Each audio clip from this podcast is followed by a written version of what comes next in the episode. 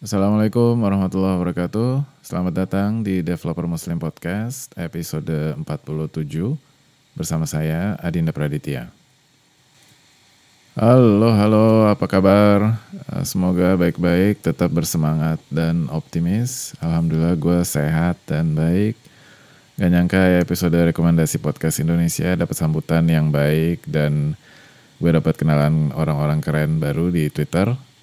Untuk lo yang baru dengerin, podcast Developer Muslim ini ngebahas segala yang berkaitan sama developer dan aktivitasnya dengan para profesional yang biasa mereka hadapi.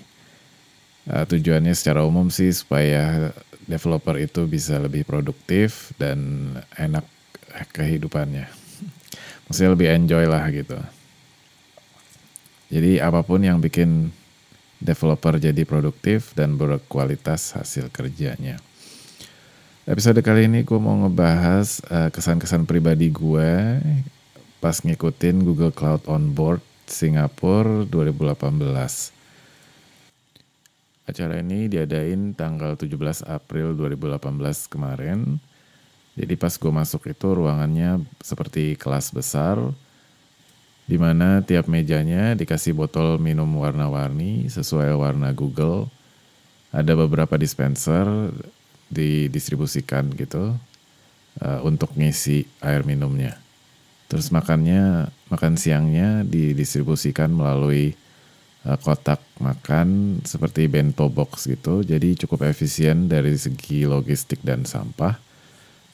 Gue salut banget sama Google Cloud Platform dan siapa pun event organizer-nya karena ini juga menunjukkan pesan dari mereka bahwa um, gue bisa hemat dan ramah lingkungan dalam semua produk kita dan termasuk Google Cloud Platform ini.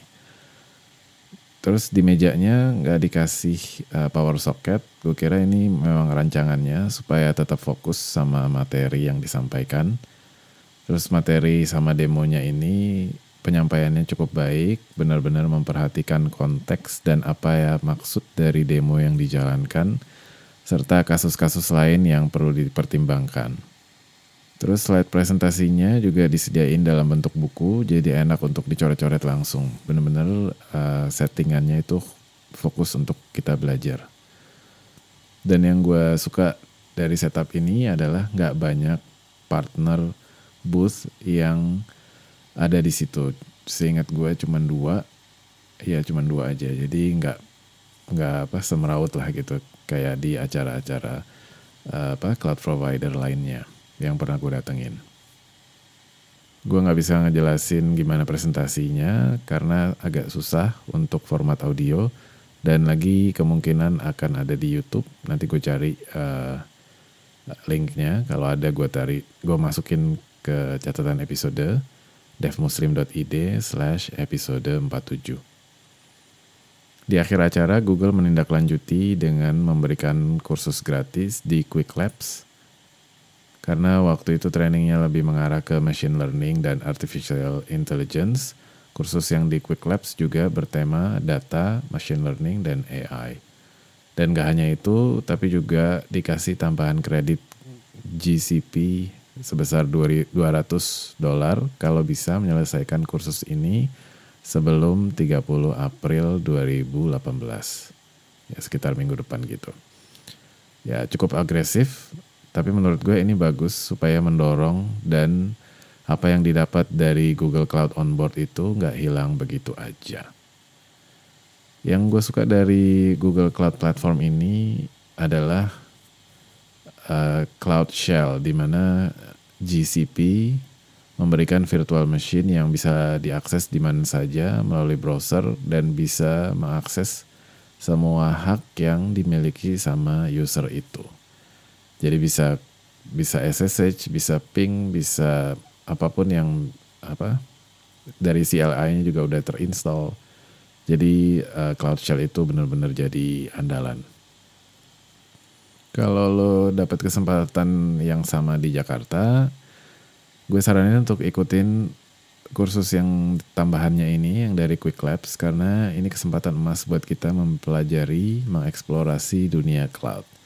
Coba kalau lo pikir kapan lagi lo punya kesempatan seperti ini, kalau beruntung kerja sebagai developer atau DevOps baru bisa belajar dan eksplorasi ke dunia cloud. Setidaknya untuk eksplorasi ini lo perlu tiga hal yang gue pikirin ya. Lo punya uang untuk beli layanan-layanan cloud dan punya project untuk di-deploy ke cloud. Terus juga lo harus siapin datanya juga dan yang terakhir punya tempat untuk bertanya dan diskusi pas belajar. Dan ini semua ada di kursus yang Google kasih di Quick Labs. Tahun lalu gue datang ke Google Dev Summit, gue juga ngerekam di sana ada episodenya. Uh, dan di sana gue dapat kredit yang belum gue pakai karena uh, gue ngebayangin hal-hal di atas gitu. Karena gue mikir buat apa gitu. Karena gue punya gue nggak punya side project sebesar itu yang harus di deploy ke cloud. Um, kalau mau belajar juga harus pakai uh, kredit GCP gue. Dan waktu itu gue juga belum punya alokasi waktu dan ternyata gue sed agak sedikit menyesal karena tiba-tiba pengetahuan tentang cloud itu diperlukan di kantor. Dan hari gini perusahaan software mana yang nggak perlu layanan cloud ya kan? banyak perusahaan yang bukan software pun itu perlu layanan cloud. Jadi kebutuhan itu akan ada dan kita sebagai developer yang bisa beradaptasi dengan perubahan teknologi yang begitu deras itu harus perlu. Uh, ini yang pertama. Terus yang kedua, ternyata kursus yang diberikan sama Google Cloud itu nggak pakai nggak pakai kredit GCP kita sama sekali layanan cloud itu akan diberikan saat harus praktek ke GCP-nya. Dan ini memang salah satu keuntungan dari cloud itu. Jadi lo bisa bikin uh, instance uh, atau apa pun layanannya dan lo bisa uh, matiin begitu aja dan buang begitu aja percuma-cuma. Jadi bagus untuk belajar dan harusnya nggak menjadi halangan untuk lo belajar. Dan kalau lo ikutin ambil kursusnya dan ternyata lo harus uh, apa pakai apa kredit GCP lo lo harus hubungin pihak kursusnya karena ada yang kurang tepat sama settingan lo atau lo harus baca lagi petunjuknya di situ sih benar-benar diwanti-wanti bahwa pakai Google pakai account Google yang ada yang disediakan sama kursus itu jangan pakai account pribadi terus yang ketiga juga waktu itu gue mikir Nah, berarti nanti gue akan terikat sama platformnya Google dong. Ya emang itu salah satu trik dan mungkin tujuan Google Cloud pada akhirnya gitu ya. Tapi itu nggak apa-apa dan wajar banget gitu. Yang penting bagi kita, kita bisa eksplorasi dan menyelami dunia cloud karena kesempatan itu uh, sangat bernilai. Ya itu tadi kan gue udah sebutin. Yang penting kita bisa dapat pengalaman pakai layanan-layanan cloud. Ya, jadi gue bilang cloud bukan Google Cloud Provider karena provider-provider lain juga menyediakan layanan yang serupa seperti AWS, Azure, dan Aliyun. Jadi sejauh ini yang gue lihat layanannya itu sebagian besar sama dan yang paling mirip itu Google Cloud dan AWS. Dan memang jangan terpaku sama provider tertentu. Sebagai seorang developer atau DevOps, jangan merasa minder kalau pekerjaannya sedang mempertimbangkan cloud provider A saat lo yang lo kenal itu cloud provider B. Atau jangan merasa karena lo udah tahu provider B, lo harus ngotot dan merasa provider B itu lebih baik hasilnya. Lagi-lagi kita sebagai developer itu harus fokus sama permasalahan yang dihadapi, bukan uh, framework ini atau framework itu dan juga bukan alat ini atau alat itu dan provider cloud provider ini atau provider itu.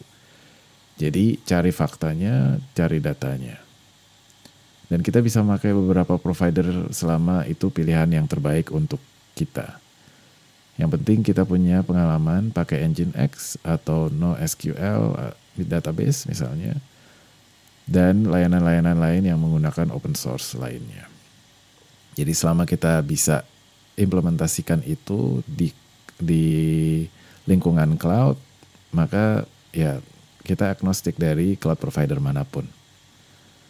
Jadi kalau lo datang ke Google Cloud Onboard niatnya cuma dapat sertifikat, ketemu banyak kenalan, dan mungkin makan gratis. Coba lo pertimbangin poin-poin yang gue sampein di episode ini. Sayang banget kesempatannya kalau lo lewatin. Setidaknya kalau lo berhalangan, ya kasihlah kursusnya ke orang lain gitu supaya lo bisa bermanfaat. Oke, itu aja yang bisa gue sampein di episode kali ini uh, dua pekan lagi insya Allah gue akan pergi ke Tech in Asia Conference di Singapura. Kalau lo berkesempatan hadir, bisa ketemuan dan ngobrol bareng, lo bisa mention atau DM gue di @devmuslimid. Makasih udah dengerin podcast ini. Harap kasih tahu gue apa yang bagus dari episode ini dan apa yang bisa gue lakukan supaya episode ini bisa lebih baik lagi. Silahkan kirim email ke devmuslimid at gmail.com atau DM gue di Twitter devmuslimid. Kalau lo seneng sama podcast ini, jangan lupa kasih rating dan komentar yang bagus di Apple Podcast, Castbox, Player FM, TuneIn, atau di mana pun lo dengerin podcast ini. Untuk lo yang berhasrat ngasih presentasi, berbagi pengalaman di meetup, tapi masih ragu atau bingung harus gimana, Lo bisa ngubungin gue di email tadi atau di Twitter. Insya Allah gue akan coba bantu apa pun yang bisa gue usahain. Terus jangan lupa isi survei pendengar. Benar-benar tujuannya untuk supaya gue bisa lebih ngertiin lo, bisa lebih mikirin tema yang cocok buat lo, terus bisa melakukan perbaikan-perbaikan supaya lebih bagus lagi isinya. Silakan ke devmuslim.id slash survey. Baik, gue pamit dulu. Sampai di episode Developer Muslim Podcast berikutnya insya Allah. Assalamualaikum warahmatullahi wabarakatuh.